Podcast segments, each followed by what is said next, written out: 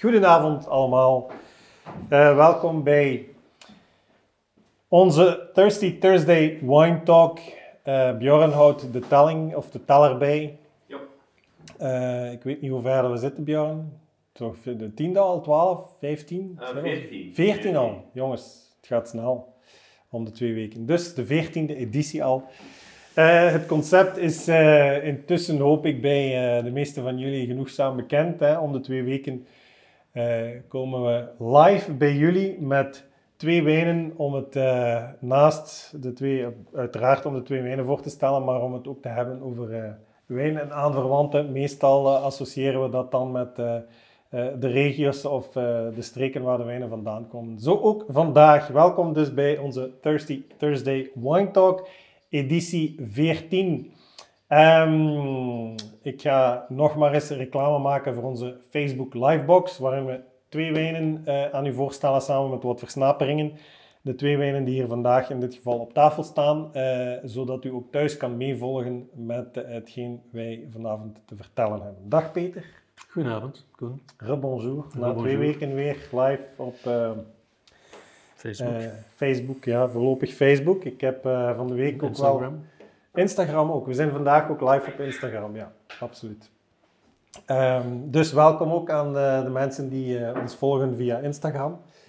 Um, ik heb van de week wel de opmerking gekregen dat we alleen via sociale media live en wat wilt je nog? Ja, sommige mensen willen dan misschien via YouTube of zoiets. Dat is misschien okay. wat gemakkelijker voor mensen die geen Facebook-account hebben.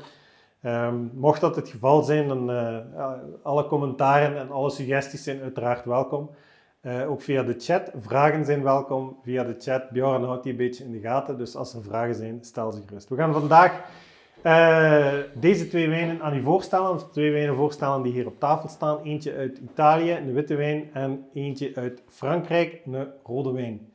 Um, aangezien Italië uw dada is, mocht jij vandaag beginnen. Mijn dada. Wijn Wat gaat je aan ons voorstellen, Peter? Ik ga u voorstellen een witte wijn uit Toscane, uit de provincie Siena.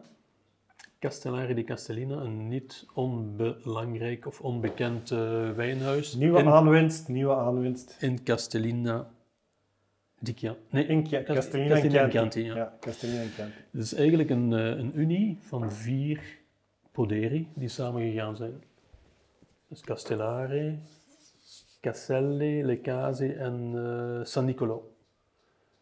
En uh, aan de bewind staat Paolo Panerai.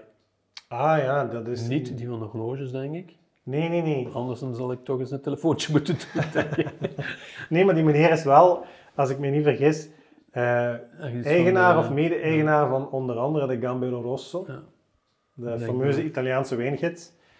Um, want ik geloof zelfs dat als ik, ik, ik, als ik het teruggezocht heb in de Gambero Rosso, toen het pas binnen was, dat daar zelfs een opmerking bij staat dat die meneer dus niet mee heeft. Uh. Ja, dat, dat, dat, dat de jurering toch wel enigszins onafhankelijk gebeurd is, omwille van het feit dat die meneer dus inderdaad mede-uitgever is of uitgever is van, uh, van die fameuze wijngids. Maar leuke aanwinst, vind ik uh, zelf. Ja, ja absoluut. mooie Chiantis en super Tuscan. Poggio ai Merli, 100% Merlot. Top. Excellent. Ja. ja, een van de beste, van de, van de verrassendste Merlots die ik de afgelopen ja, jaren, durf ik toch wel zeggen, gedronken heb. Ja absoluut.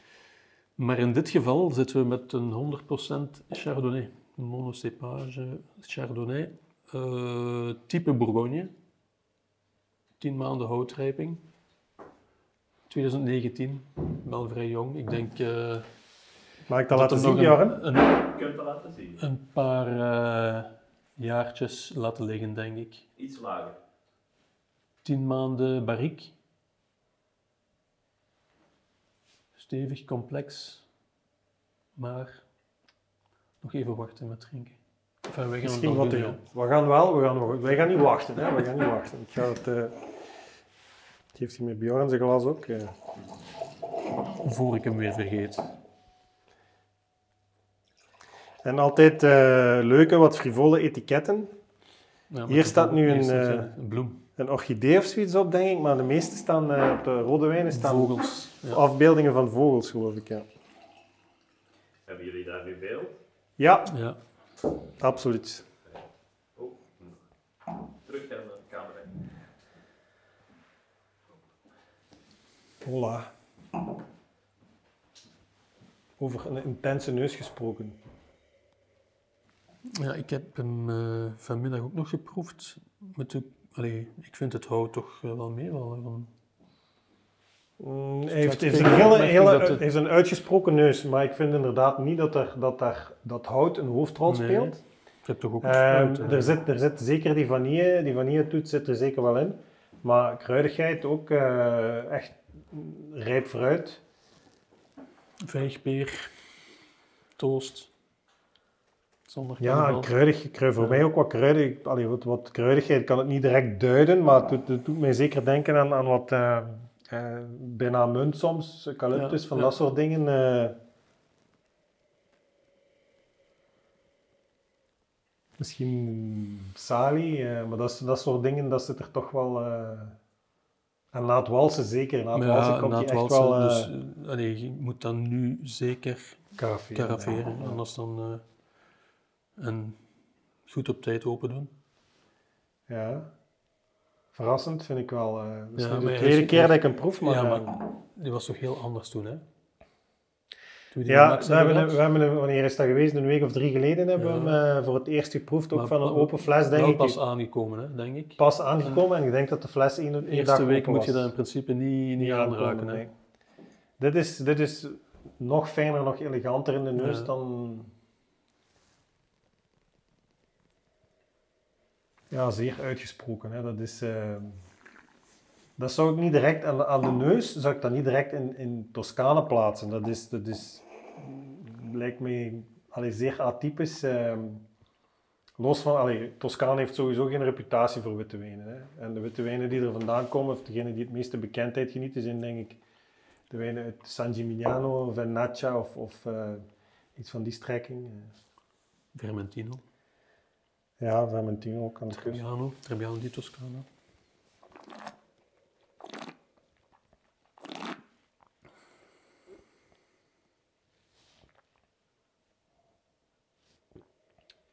Amai, Tongverschil, hè? krachtpatsertje.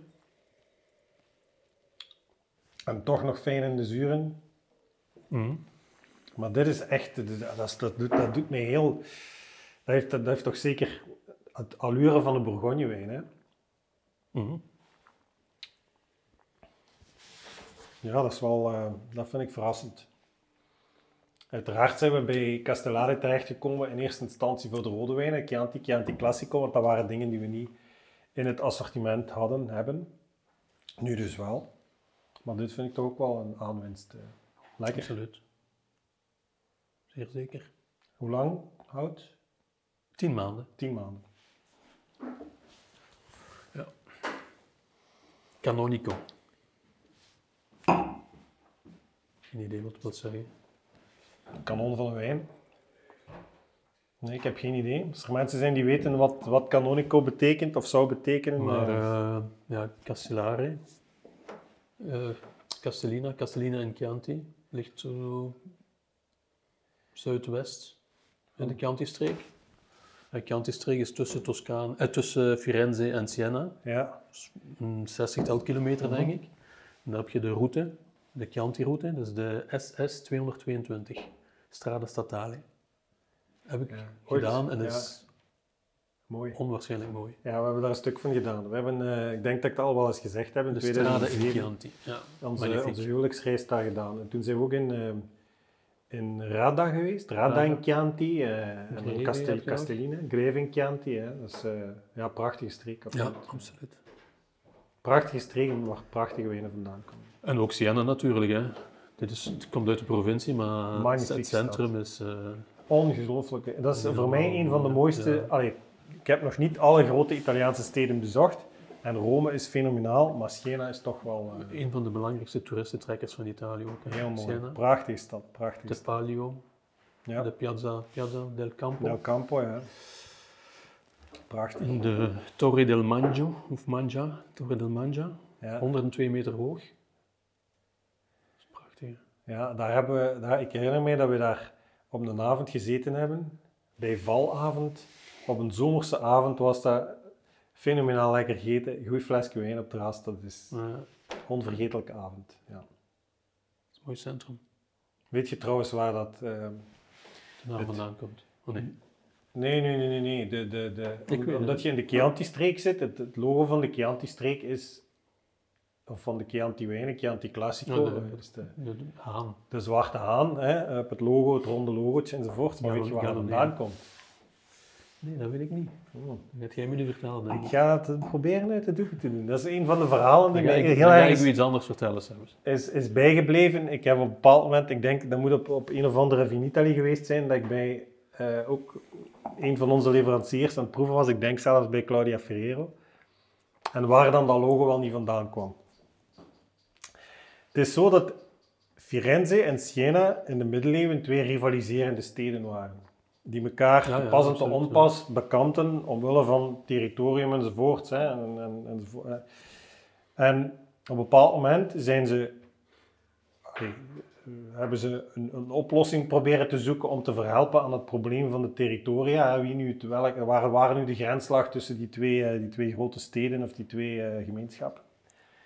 En het idee was van ehm, bij het krieken van de ochtend van de dag, of als de haan kraaide, van uit elk van de steden een ruiter te laten vertrekken en waar die elkaar tegenkwamen, dan zou, daar zou dan die grens liggen. In de veronderstelling dat als die hè, bij het krieken van de dag vertrekken, dat die ongeveer in het midden elkaar zouden gaan tegenkomen. Maar dat wilde dus zeggen, hè, op dat moment waren ze afhankelijk van het kraaien van de haan. Ja, dus in ehm, Siena hebben ze een witte haan gekozen, een gezonde, fantastische witte haan, die dan op tijd moest kraaien.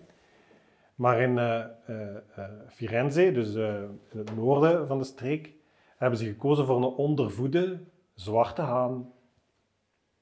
Die ondervoede zwarte haan begon al ruim voordat de zon opkwam, begon die al te kraaien. Ja. Van de honger. Dus van de honger inderdaad. Ja. En dus die ruiter vertrekt in alle vroegte vanuit, eh, vanuit Firenze richting Siena, terwijl die andere nog lag te maffen, bij wijze van spreken. Dus die witte gezonde haan, die, hè, die, die, die kraait veel later, dus die ruiter vertrekt veel later. Hè. Dus uiteindelijk eh, was, eh, werd de grens op dat moment bepaald en was Firenze eigenlijk het grootste, het grootste gebied. En dat is uiteindelijk ook eh, de reden waarom dat het, de Chianti, de Chianti-zone of de, de Chianti-regio eigenlijk vertegenwoordigd wordt sinds de middeleeuwen al door die zwarte haan. Dat is het verhaal achter. de- mijn verhaal ook horen? Graag. Rome is gesticht door Rom- Rom- Romulus en Remulus, of wat is het? Remus en Romulus. Remulus en Er waren Romulus. twee broers. Ja. En eh, Romulus die heeft Remus vermoord. Mhm. Remus had twee zonen, Senius en Ascius. En die zijn gevlucht voor een, een onkel eigenlijk, voor Romulus. En die zijn dan terechtgekomen op de plek waar Siena nu ligt. De ene zat op een wit paard, de andere op een zwart paard. En het wapenschild en de vlag van Siena is wit en zwart. Mm. Alsjeblieft. Wist, Hey, heel, eh, wist je dat je? Wist je dat, hey, heel zegt frisser, pittiger dan een Bourgogne. En zegt ook canonico zou canonic betekenen. Ah, kan ik. Ja. Dat, eh, dank u, Heidi. voor, Ja, in eh, Siena, in invulling. Siena zijn toch een drietal pausen geboren. Enfin, die gewoon geboren worden en dan worden. Tja, een goede stack dus voor pauzen. Ja. ben Misschien het vandaag eigenlijk- de of... eh, Ja, ja, ja, vandaag inderdaad. Ik ben het eigenlijk wel eens met Heidi dat het eh, wat frisser is, zo, eh, Ja, ja, dat hij ja, toch wel wat fraîcheur heeft zo, eh, in de afdronk. eh. waar gaan we dat bij serveren? Klassiekers, denk ik.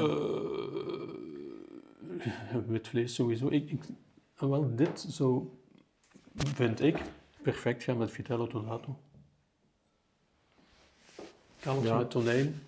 Het mag wel wat hebben, ja. Eh, Zweesrik, ja, orgaanvlees, eh vis in een saus, klassieke bereiding. schaaldieren. Ja, ik Kreeft, denk met die, met die eh, fraîcheur dat dat toch wel... eh,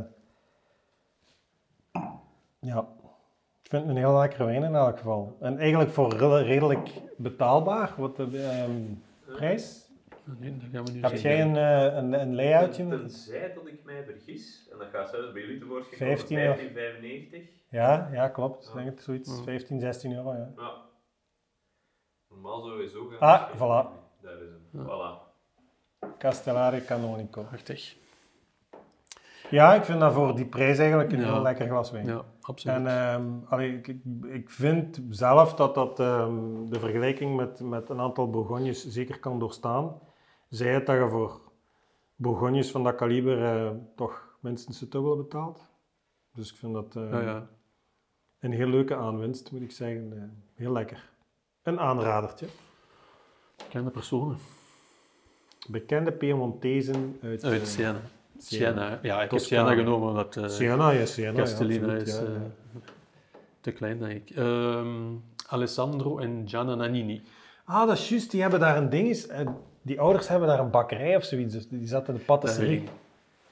Jawel. Dat mijn vrouw gaat dat, als mijn vrouw aan het kijken is, dan gaat ze dat ongetwijfeld beamen. We, zijn, we hebben daar toen rondgelopen en we zijn daar langs gelopen, langs die. En ik meen dat dat patisserie was. Dat die in de, dat in kan, de bakkers of zoiets, bakkersfamilie.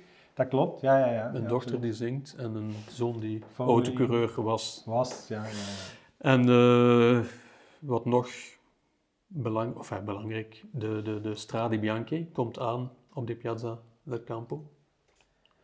Quantum of. Quantum of Solace. Ah, James ja, Bond ja, is daar Top grotendeels Ik ben gefilmd. fan, ja. Inderdaad, inderdaad, inderdaad. Ja, dat is... Dat is ehm, Dus dat nu. Dan gaan we s'avonds bekende Piemontese uit de Luberon doen. Bruggetje naar de rode wijn. rood, rood, rood. Rood gaan we vandaag zoeken in eh, Frankrijk. Eh, en meer bepaald in... Zal ik even het etiket laten zien, Björn? Kan dat? Ja. Is dat eh, gepast? Voilà. Kan. Ik ben onderweg. Zeg het maar. De hoogte, laagte, dichtbij. Eh, perfect. Perfect. LQLC.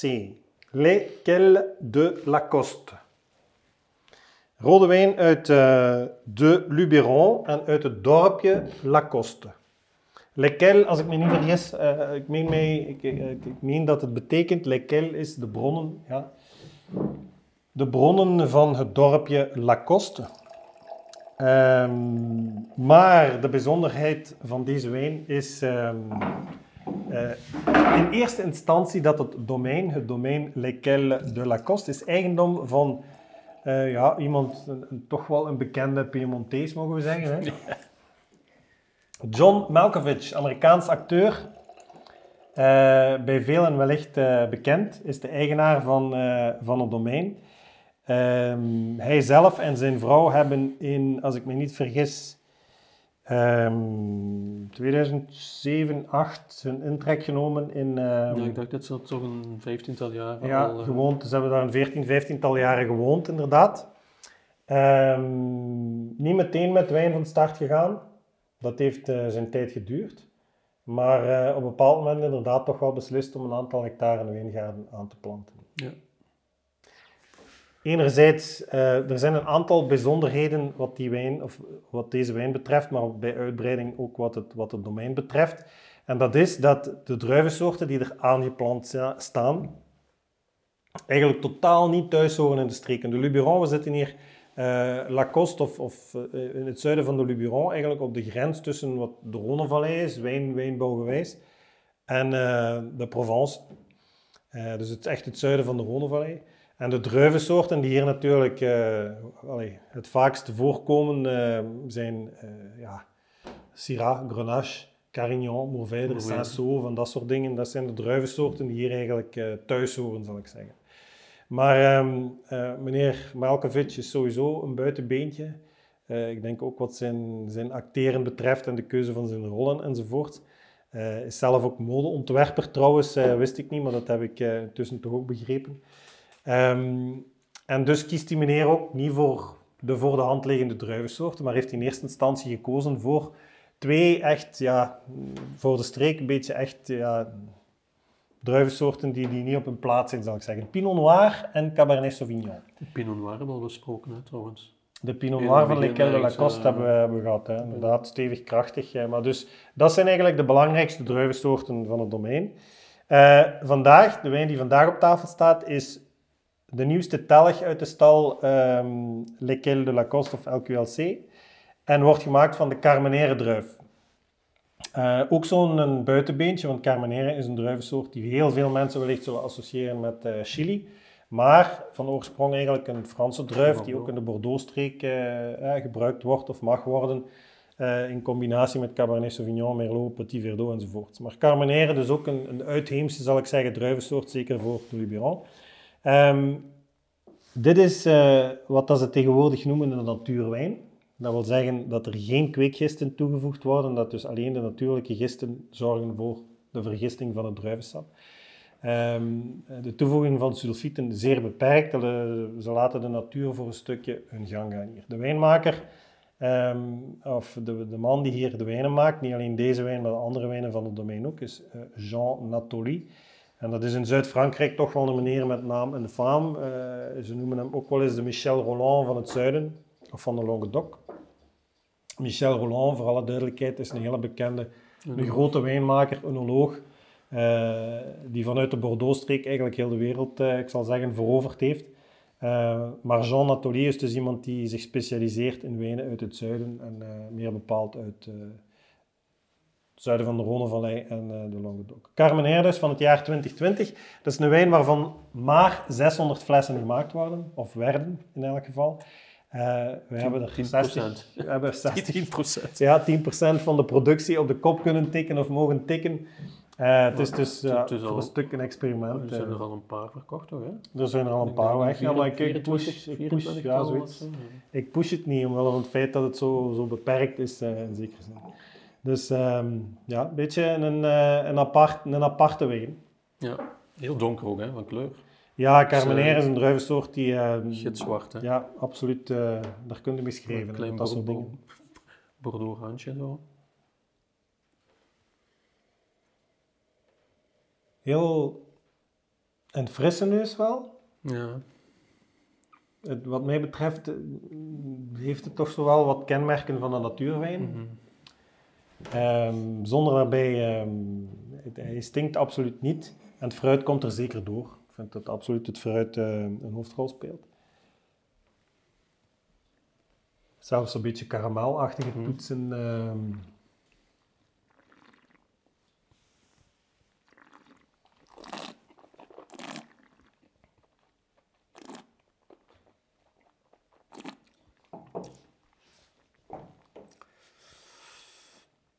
Verrassend.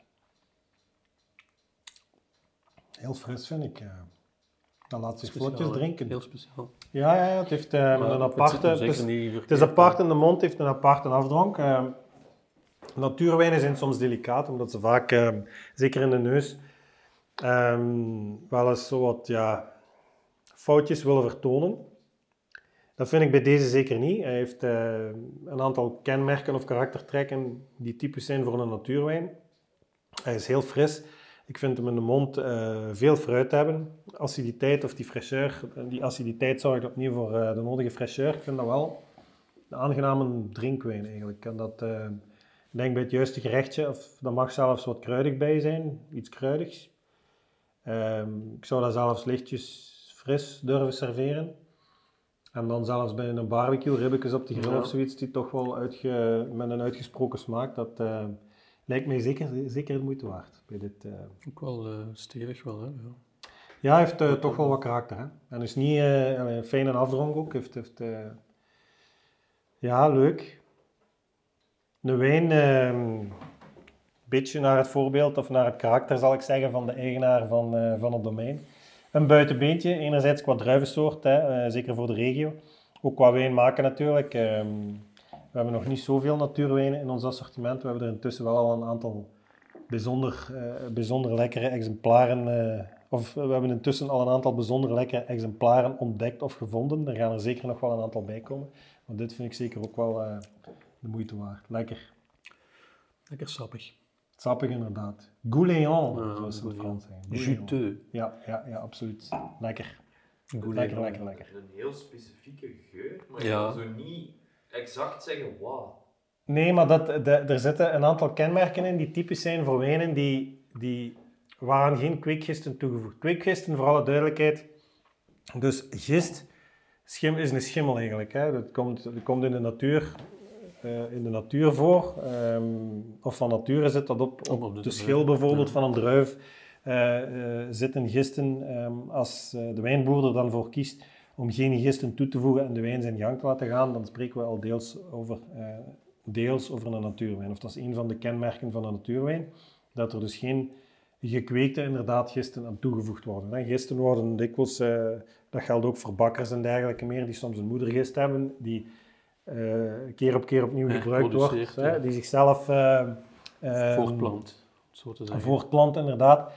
Ehm, en veel van die gisten, of er zijn heel veel gisten die ontwikkeld worden in laboratoria en die bepaalde, eh, hoe zal ik zeggen, smaakprofielen ja. genereren. Hè. Ehm, eh, dat kan zijn dat je eh, gisten hebt die vooral het accent leggen op eh, de fruittonen of toetsen in een bepaalde wijn, voor witte wijnen bijvoorbeeld. Het kan zijn dat je gisten hebt die andere karaktertrekken naar boven halen enzovoort. En een wijnboer kan uiteraard kan spelen met die gisten om aan zijn wijn een bepaald karakter te geven. Als een wijnboer ervoor kiest om geen kweekgisten of eh, ehm, eh, niet van dat soort gisten te, te gaan gebruiken en de natuur zijn gang te laten gaan, dan krijg je dit soort wijnen. Maar dan krijg je inderdaad die wat typische parfums of aroma's. En in sommige wijnen zit dat extreem, extreem fel. Eh, in deze vind ik het absoluut eh meevallen. Het, heeft zoiets, iets, ik weet niet hoe ik het moet omschrijven, rokerig. Ja, zoiets. Ruikt naar iets specifiek van eten, maar ik kan zo niet... niet duiden wat het is. Dat is altijd heel moeilijk. Hè. Ja. Dat is een van de uitdagingen als het gaat om Ja. Ja, op zich is dat niet belangrijk natuurlijk. Als je wijn proeft of als je een glas wijn drinkt, dan gaat je, of dat nu naar, naar ananas ruikt, naar banaan of naar vanille, op zich is dat hè, van, van geen belang. Het belangrijkste is eh, dat de wijn nu smaakt. Eh, het is ook niet zo, voor alle duidelijkheid, want dat, dat misverstand steekt bij momenten ook nog wel eens de kop op. Het is ook niet zo dat die aroma's die je soms ontdekt in de neus of in de mond, dat die aan wijn toegevoegd worden. Die aroma's zijn het gevolg van de vinificatie. Ja. Ehm, om die dingen te herkennen, in, in zoverre dat noodzakelijk is, of in zoverre je daar die ambitie hebt om inderdaad een aantal aroma's en parfums en smaken te kunnen herkennen, is het zeer belangrijk dat je je reukorgaan oefent. Dat wil zeggen dat als je in de keuken bezig bent, dan draai je pepermolen een keer om, ruik daar een keer aan. Als je een appel opensnijdt, ruik daar een keer aan. Als die een appel een kwartier op de, op de kast gelegen heeft, ruik daar een keer aan. Dat zijn de aroma's en de parfums die je kunt ontdekken in wijn dikwijls. Maar je kunt dat alleen aardbeien. Als je aardbeien aan het snijden bent en je ruikt aardbeien, dan weet je van, ah ja, dat is vanzelfsprekend dat dat aardbeien zijn. Maar als ik je aardbeien of het parfum van aardbeien laat ruiken zonder dat er aardbeien in de buurt zijn, dan is het heel moeilijk om te zeggen van dat ruikt naar aardbeien of dat ruikt naar framboos of dat ruikt naar ananas. Ja, dat is dikwijls heel moeilijk. Het is een kwestie van training, van, van, van jezelf de gewoonte. Mensen die naar Njam TV kijken en die af en toe eens naar eh, Pepe Giacomazza kijken, die weten waar het over gaat. Pepe Giacomazza pakt alles vast, ruikt aan alles. Die ruikt aan de basilicum, die ruikt aan het deeg, aan het pizzadeeg wat hij gemaakt heeft, aan de tomaat die hij opensnijdt enzovoort. En dat zijn allemaal dingen die, dat is, dat is de manier eigenlijk waarop dat je je reukorgaan kunt, eh, kunt trainen. Lequel de Lacoste, Bekende Piemontese. John Malkovich. Goed zo. Eh, bekende Piemontezen uit de Luberon. Ik, ik was juist een lijstje aan het, ehm, eh, aan het nakijken en daar stond niet direct iemand op die, ik, die een, da een daadje dit rinkelen. Wellicht zijn er die wel.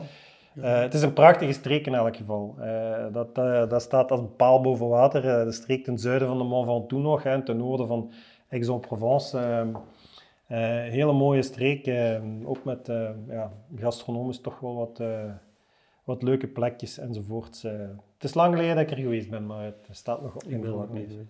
Ik kan nog meegeven, voor wat het waard is natuurlijk, dat we in het najaar van vorig jaar is er in de, de Sabato, de weekendbijlage bij eh, De Tijd, een uitgebreid artikel verschenen eh, over John Malkovich en meer bepaald over zijn escapades in eh, de Luberon. Dit is een, ehm, een foto van een opname van het, van het domein, hè, van Lequel de Lacoste.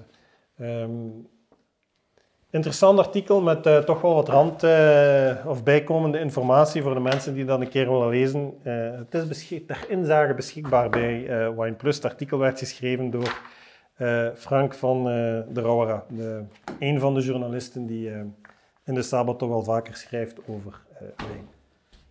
Om terug te komen op de geur. Heidi Hilve zegt gedroogde pruim. Misschien toch zo wat rozijnachtig inderdaad. Pruim, rozijn. Ja, dat is sowieso donker fruit. hè. Ja, zo wat, dat Gedroogd, ja. inderdaad, zo'n beetje gedroogd fruit. Dat, ehm, die rozijnen, die eh vijgen, dadels, van dat soort dingen. Ja, ja, ja, We hebben absoluut. het gevonden. Dank u wel, Heidi. Cheers. Zo, ehm, ik stel voor dat we de wijnen van Ja, de nou. volgende keer eens introduceren. Ehm, Of nog even de, de rode, de prijs. Ah, oké. ah ja, dat gaat jij nu op het scherm toveren. eh, iets van een 12 of 14 euro, denk ik. 12,95. 12,95. 12,95. Een prikje, een prikje. Als er maar 600 gemaakt zijn. Ja, Ja, het is, eh, het is, het is eh, buiten. Ik vind het leuk. Ik vind eh, dat soort dingen dat, eh, ja.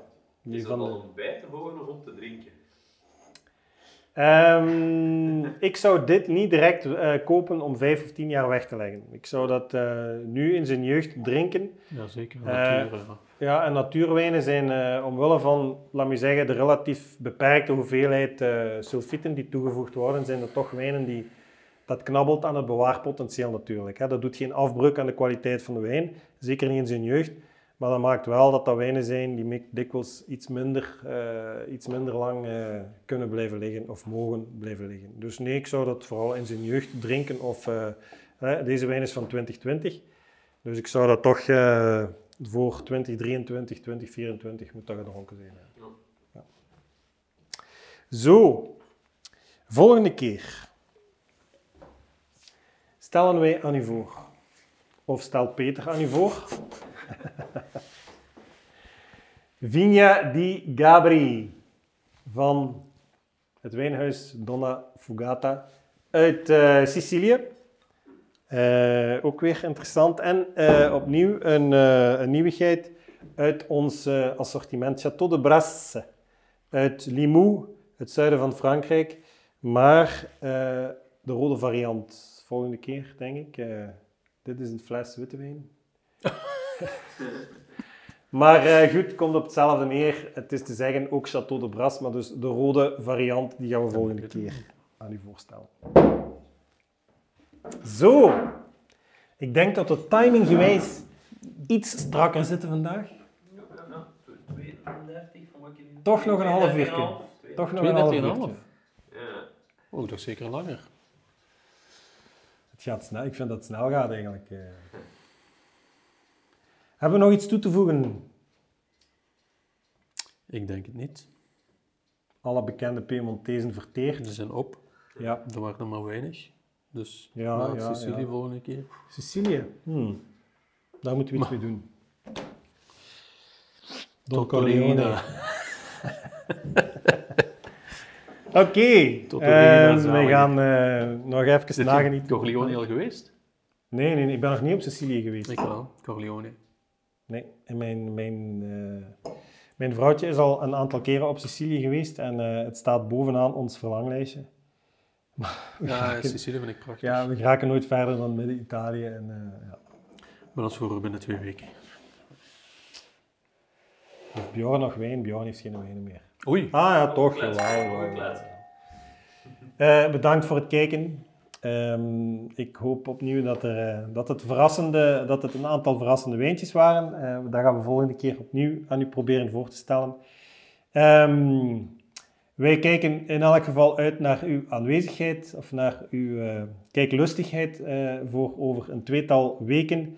Ehm, in elk geval bedankt voor vanavond, bedankt voor het kijken en tot de volgende. Zing. Cheers. Salute.